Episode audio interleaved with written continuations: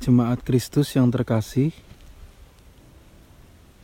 renungan untuk kita pada malam hari ini berjudul Nyanyian Alam. Dan bacaan kita diambil dari Mazmur pasal 19 ayat 2 hingga ayat 5a.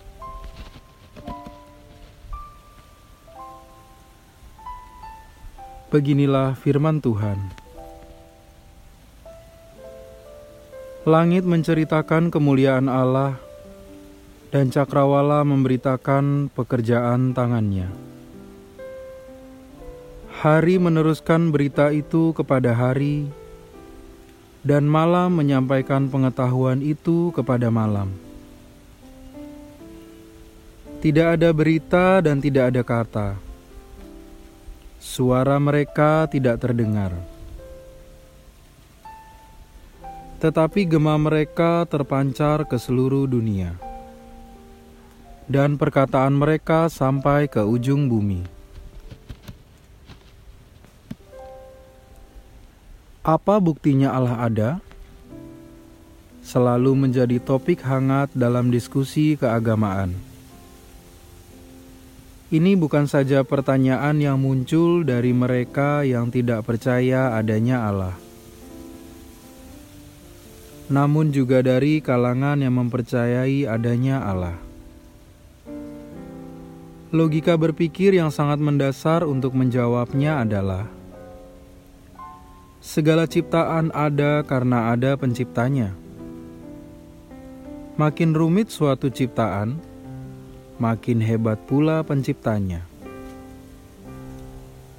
Logika inilah yang juga dipakai pemazmur dalam merenungkan keberadaan Allah.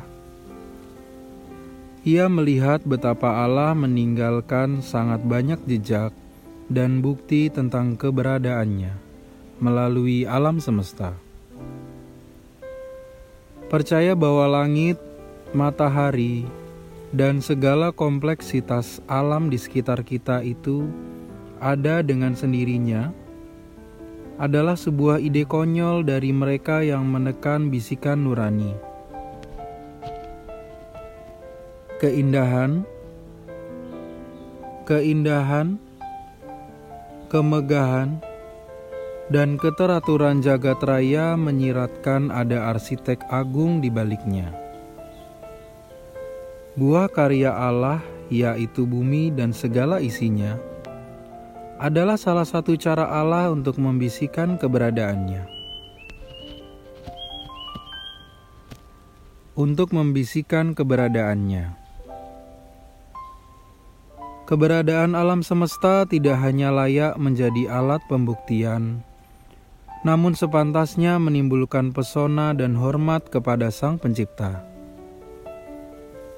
Kalau langit saja bisa menceritakan pekerjaan Tuhan yang mulia, betapa lebih lagi kita sebagai ciptaannya yang paling agung, yang dibuat seturut gambarnya.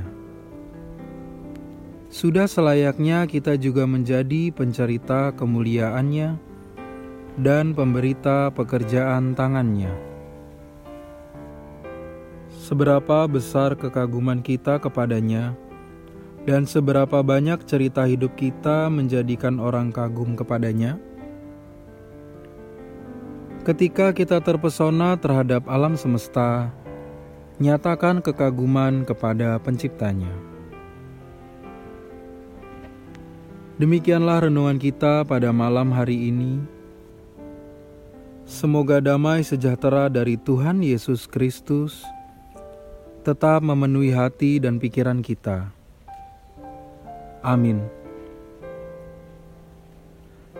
Jemaat yang terkasih, mari kita bersatu hati menaikkan pokok-pokok doa yang ada dalam gerakan doa 21 GKI Sarua Indah.